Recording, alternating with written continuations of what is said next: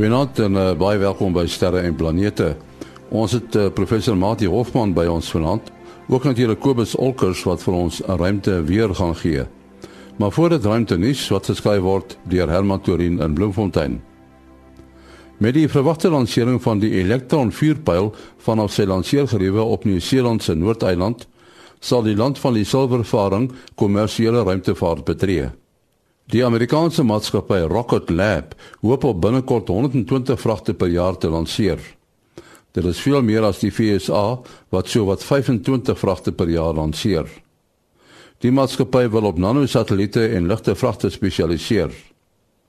Die elektron is 20 meter hoog en in plaas van die gebruikmaking van herwinbare onderdele, sal dit van driedimensioneel gedrukte onderdele gebruik maak. Dit sal nie die eerste lansering van 'n vuurpyl na die ruimte vanuit die suidelike halfrond wees nie. Verskeie lanserings is reeds vanaf Woomera in Suid-Australië gedoen. Navorsers van die Europese Ruimteagentskap het dan geslaag om stene te vervaardig uit kunsmatige maanstof. Dit beteken 'n beginsel dat stene van maanmateriaal eendag gebruik sal kan word wat op die maan self vervaardig is.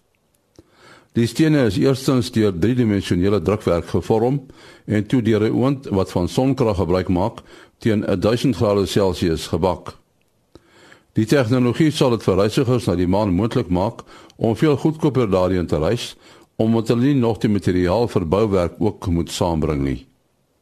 daarmee die einde van ruimtenis wat elke week vir ons geskryf word deur Herman Torin in, in Bloemfontein. En nou ruimte weer. Hier is Kobus Olkers in Florida, Amerika.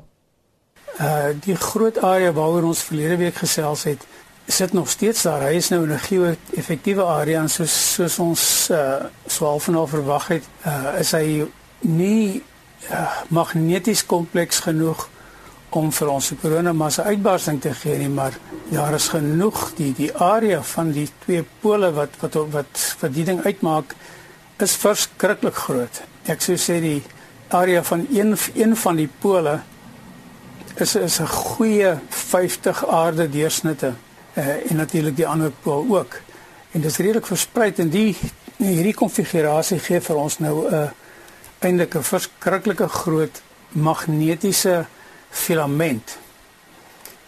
En hierdie filament, as jy mens nou nou gaan kyk op die gemengde uh, ekstraal beeld, dan sien jy dat hy so knoop in hom het. En dit sê vir my dat daardie filament het 'n redelike kans om plat te val en vir ons 'n harder vakkel te gee. Maar aan die ander kant is die een wat nou bo die knop gaan het nou weer 'n kans om om los te kom. So ons het eintlik 'n dubbele kans van 'n filamentuitbarsting.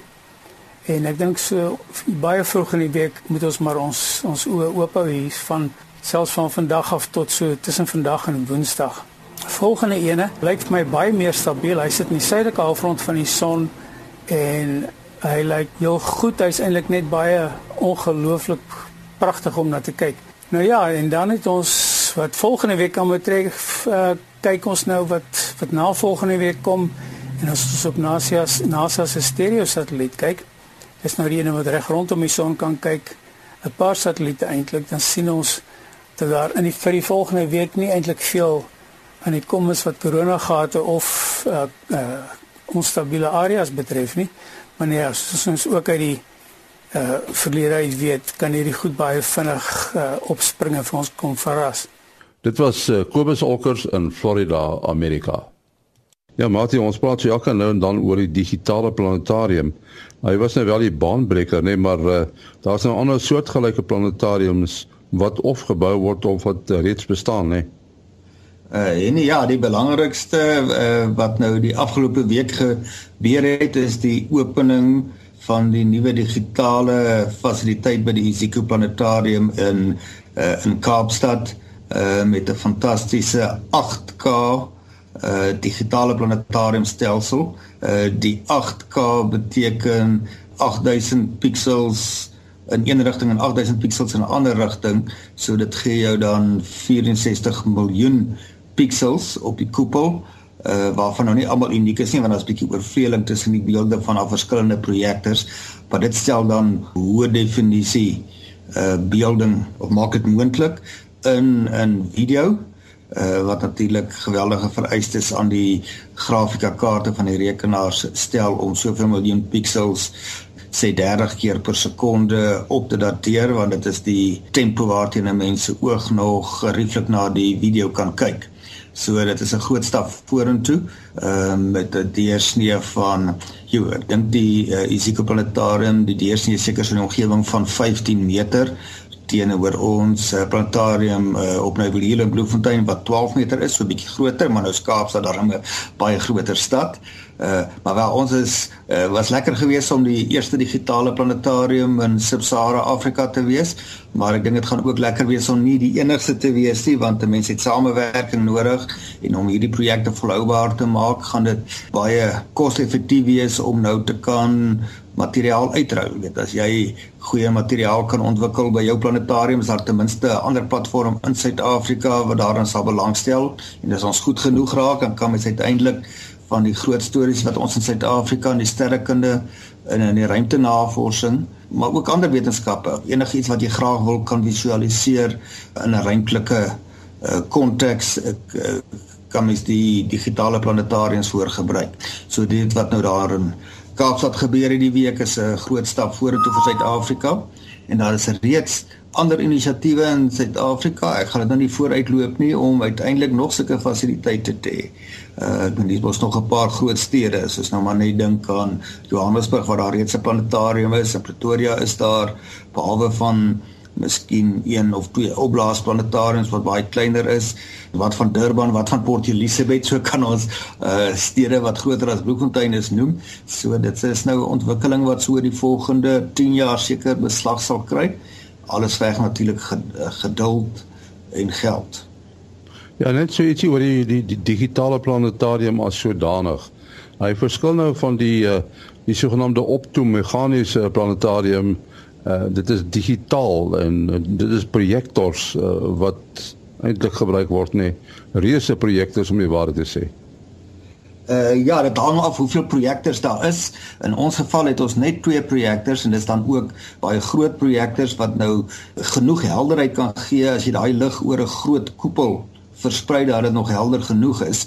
En ons is te gewoond aan die dataprojektors wat mens kan ronddra en dan projekteer jy 'n mooi helder beeld hierso op 'n skerm voor jou, maar nou is daardie beeld halfpad op 'n halwe sfeer rondom jou. So dit verg dan baie meer van die van die projektor. So ons projektor net die lense destyds 350 000 rand elk gekos, want dit moet nou ook so geslyp wees dat dit nou mooi skerp fokus op 'n geboue oppervlak kan gee.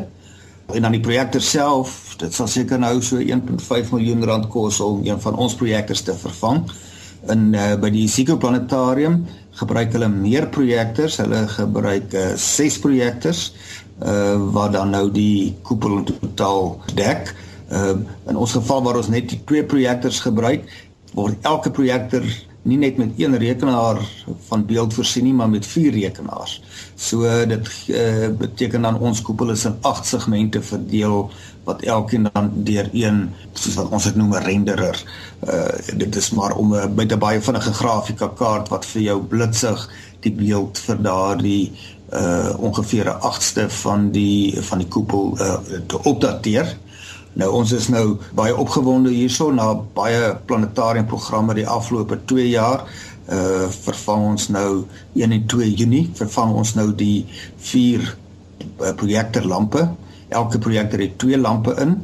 En uh, die lampe moet ons ongelukkig in dollars uit uh, aankoop uit Japan via Amerika en dit uh, kos so uh, 170 000 rand vir die vier vier lampe. Dis hoekom ons ongelukkig moet toegangsfooie vra.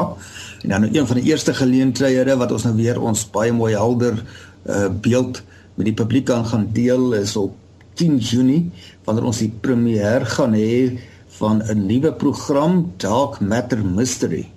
Nou dit is 'n baie goeie program wat nou op hierdie verskynsel van die sogenaamde donker materie in die hemel ja, in in die heelal fokus en dit op 'n visuele manier vir die mense verduidelik dat ons kan kommunikeer wat ons reeds weet daaroor en wat ons nie daaroor weet nie. Ja, dit is eintlik oor uh, daardie onderwerp wat ek uh, verder wil gesels.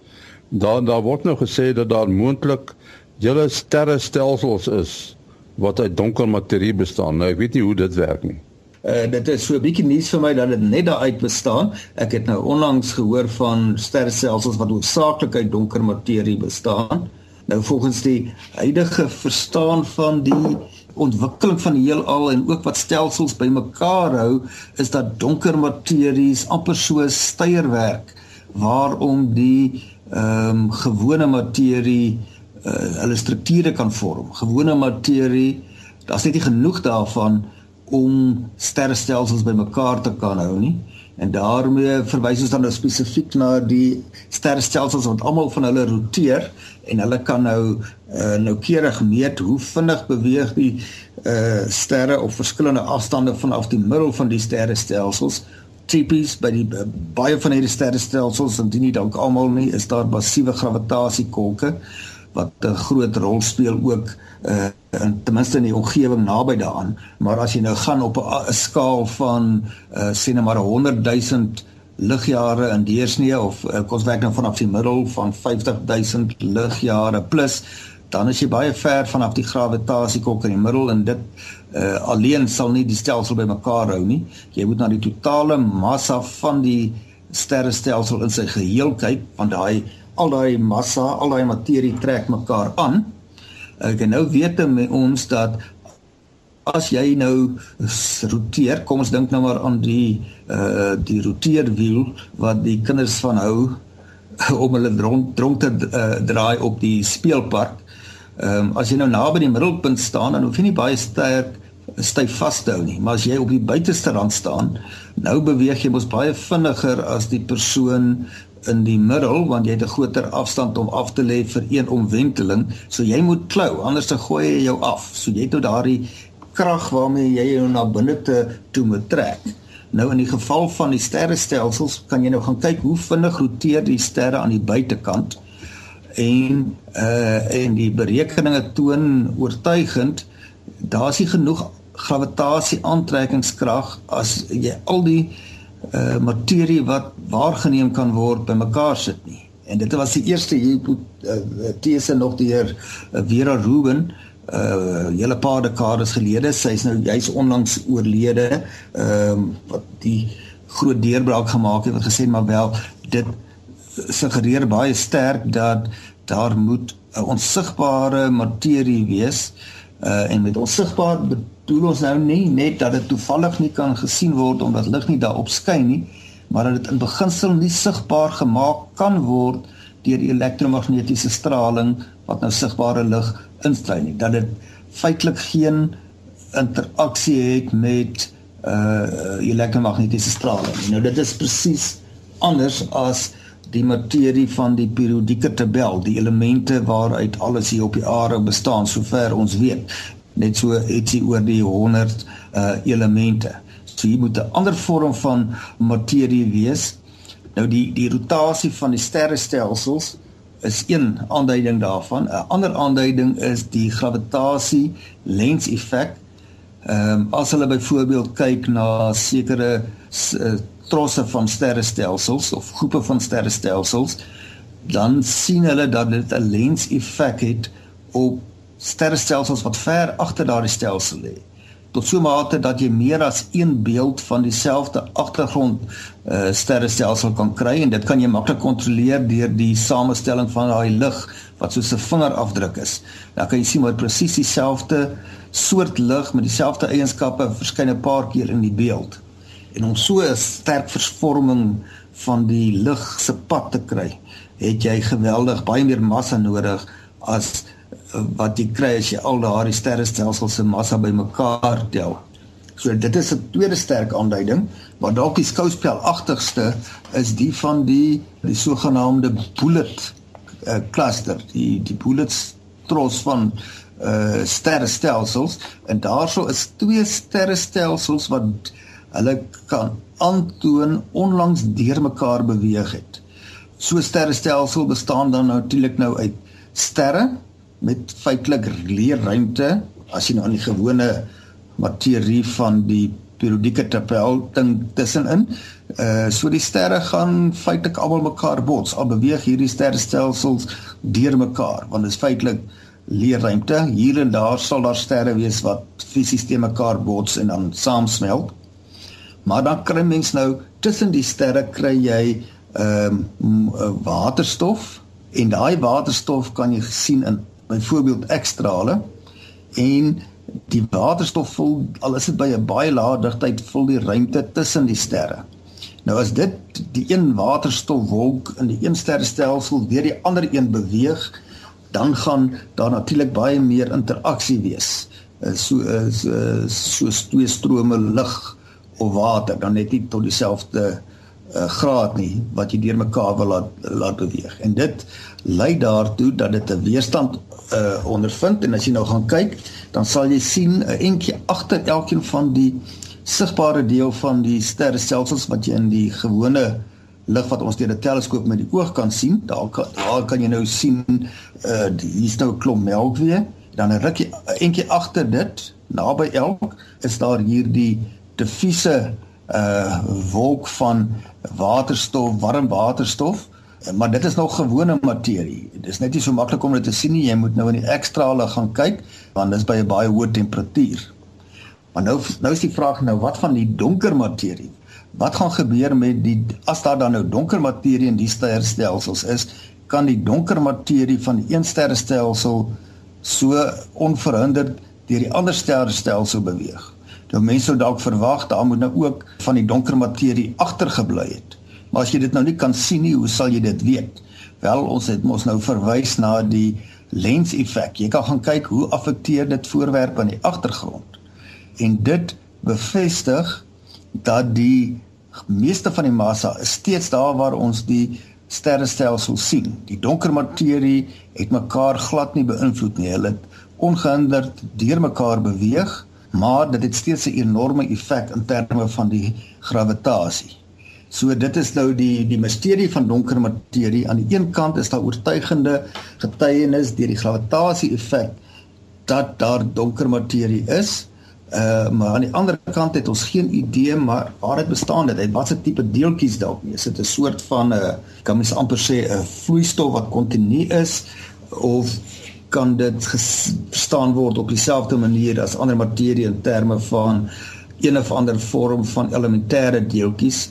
Hulle verwys daarna as WIMPs, weakly inter interactive massive particles. WIMPs. Uh bestaan daar dalk so iets en daar is nou verskillende eksperimente wat op uh, uh, uh maniere gaan soek of hulle daai deeltjies kan optel. Ja, dit is uh, eintlik uh, dinge wat mense wou praat wat in 'n sekere sin abstrakt klink. En net so abstrakt is die hele opvatting wat mense deesdae al meer hoor. Uh, ons praat uh, in Afrikaans van 'n heelal of 'n uh, universe en net hoor nou meer mense praat van meer as een heelal. 'n multiverse. Hou hierdie argument water, Mati? Uh ja, dit is nog so 'n bietjie op die spekulatiewe vlak. Uh ons moet nou die multiverse net onderskei van die parallel universe of parallelle heelalle wat uit die kwantummeganika kom. Hier praat ons van multiheelalle. Ehm um, wat nou meer 'n kosmo kosmologiese konsep is. Dit kom basies daarop neer dat in die ontwikkeling van die heelal met die eie duiding van ruimte daar gebiede kon on, ontstaan wat soort van geïsoleerd is van mekaar. So jy kan nie daardie ander gebied, mens kan dit amper 'n ander heelal noem, wat is 'n ander ruimtetyd milieu wat ons nie op 'n direkte manier van ons kos praat maar van ons heelal af kan waarneem nie. Nou kan jy vra as jy dit kan waarneem nie, hoe weet jy dit is daar? Uh, die konsep sluit onder andere in dat die eienskappe, die natuurwette in daardie heelal omdat dit totaal ander geskiedenis het, heeltemal anders daar kan uitsien. Dalk lyk die elemente daar anders. Uh, so dit is 'n baie fascinerende konsep. Nou moet mens nou besluit is dit nou maar net metafisika of kan dit binne die bestek van die fisika wat op waarneming gebaseer is gebring word? Nou daar's wetenskaplikes wat beweer ja, die konsep het waarneembare uh effekte want as dit histories so verloop het dat verskillende ruimte-tydgebiede vanaf mekaar geïsoleerd geraak het, veral moontlik tydens die uh hipotetiese inflasie tydperk, dan sal die sal dit afdrukke gelaat het in hoe die materie in ons heelal dan versprei is. En dit is wat waargeneem word die die oerweergawe daarvan in die ehm uh, mikrogolf agter agtergrondstraling en die mees onlangse metings wat daarvan gemaak was was met die Planck sending wat in relatief hoë dig uh, akkuraatheid gaan kyk het na die baie geringe temperatuur variasies in hierdie mikrogolf agtergrondstraling. Jy kan basies die die, die eienskappe van die straling en die golflengte waarby dit 'n maksimum intensiteit het gee vir ons 'n aanduiding van die temperatuur en daardie temperatuur is ongeveer -270 grade Celsius. Maar tot by klein desimale breekdele van 'n Kelvin is daar variasie. Een kol is 'n bietjie warmer as 'n ander kol en dit is belangrik om te verstaan hoe struktuur enigsins in die heelal uh, gevorm het. Nou as die die die die detail struktuur daarvan ontleed word, kan die ouens tot 'n mate op hierdie stadium of so sê hulle onderskei tussen verskillende uh geskiedenisse wat tot daardie stadium aanleiding gegee het en daarin kan dan moontlik data wees wat dui wel. Dit wys daar moes sulke multiheelalle ontstaan het, maar 'n mens sou kon reken dit is maar een groot heelal met verskillende gebiede wat nie direk mekaar se invloedsfeer is nie. Ja, dit is uh soos jy baie keer sê, dit is 'n uh, bietjie van 'n eksotiese benadering as 'n mens nou oor die goed praat. Ook so 'n bietjie eksoties in 'n sekere sin. Kan 'n uh, atmosfeer primitief wees? Uh, wat word bedoel as mense sê 'n uh, atmosfeer is primitief? Uh ja, hulle praat baie keer van die primitiewe atmosfeer wat die aarde gehad het. Nou wel op die stadium het ons 'n atmosfeer wat ons as vanselfsprekend beskou. Dis maar hoe dit moet wees anders sou ons nie gewees het nie. Weet 20% suurstof die res is feitelik stikstof met spoorelemente van ander gasse 'n bietjie waterstof en helium en ander inerte gasse maar oorweldigend suurstof en stikstof. En dis waarin ons floreer. Ons weet daar is bakterieë wat ten minste histories ek is nou nie 'n microbioloog nie maar in 'n totaal ander soort atmosfeer gefloreer het in die vroeër uh jonger aarde se geskiedenis wat nou weer met koolstofdioksied oorheers was. En die bakterieë het deur hulle metaboliese metaboliese prosesse val in die see dan baie suurstof vrygelaat. En oor 'n kwessie van 'n baie lang tyd deur baie groot getalle van die bakterieë uh, kon die samestelling van die van die aarde se atmosfeer geleidelik verander het wat dit meer gunstig vir ander lewensvorme gemaak het maar nie so gunstig vir die bakterieë wat juis so gaaf was om vir ons suurstof te uh, te produseer nie. So dit gaan dan maar oor die vroeë stadium van 'n planeet se geskiedenis uh sy uh, sy aanvanklike vorm van sy atmosfeer en nou kan mens dink wat het daartoe bygedra? Dat die vulkane sou daartoe bygedra word met al die gasse wat daarso uh uitkom. Waterdamp dit hang af van die temperatuur. Weet as daar uh vloeibare oseane is en die temperatuur is baie hoog gaan daar baie waterdamp wees. So dink nou maar net al was die aarde en mars se se oor atmosfeer dalk soortgelyk hoe tot verskillend het dit uh uitgedraai waar die die uh, nie Mars nie Venus van Venus se weghol. Kweekhuis effek gehad het en by ons het gelukkig nie. Op die stadium van die geskiedenis al daai weg gevolg het nie. Mars daarteenoor um, het weer opgeëindig met 'n baie dun atmosfeer. Waarskynlik was dit baie digter lank terug maar omdat Mars se gravitasiekrag heelwat kleiner as die aarde is kon hy dit net nie hou uh op die afstand wat hy vanaf die son is nie. Dit is nog te warm vir hom om by daardie temperatuur van die gas uh die atmosfeer te kon hou nie die die sonwind het blaas is sy atmosfeer weggeblaas. So dis die interessante ding van uh, van hierdie natuurstelsels, hulle is dinamies en oor lang tye verander hulle. Die klimaat verander.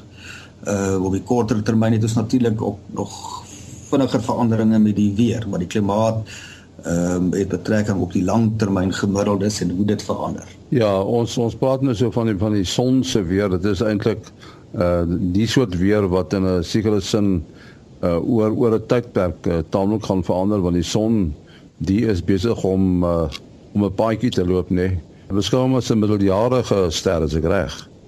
Uh ja, hy is 'n middeljarige ster en uiteindelik gaan hy gaan hy groter word en sy rooi reus word en dan gaan sy atmosfeer baie naby die buitenste laag baie naby aan die aarde kom en as die son verander gaan die aarde verander maar dit geskied op tydskale uh, wat uh, ons ons maar liewers nie moet bekommer nie as dit groter bekommernis op die stadium uiteindelik sal ons daaraan absoluut niks kan doen nie ons beskik nie oor die vermoë om iets so enorm as die son se se gang te verander nie hy's net te oor oorheersend in ons sonnestelsel wat massa en energie inhoud betref. Ja, hy sê eintlik die sonnestelsel as sodanig verander, né?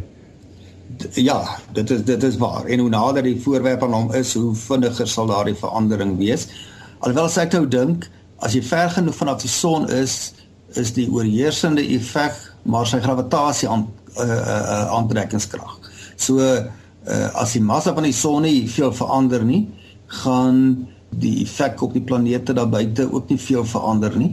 Maar sy massa gaan wel verander want hy brand massa uh, massa op. So uh dis nou interessant om te gaan vra maar wat is die die effek daarvan? Want daai 'n groot deel van sy massa word oor 'n lang tyd die ruimte in uh uitgestraal. So dit gaan verlore vir die vir die sonnestelsel.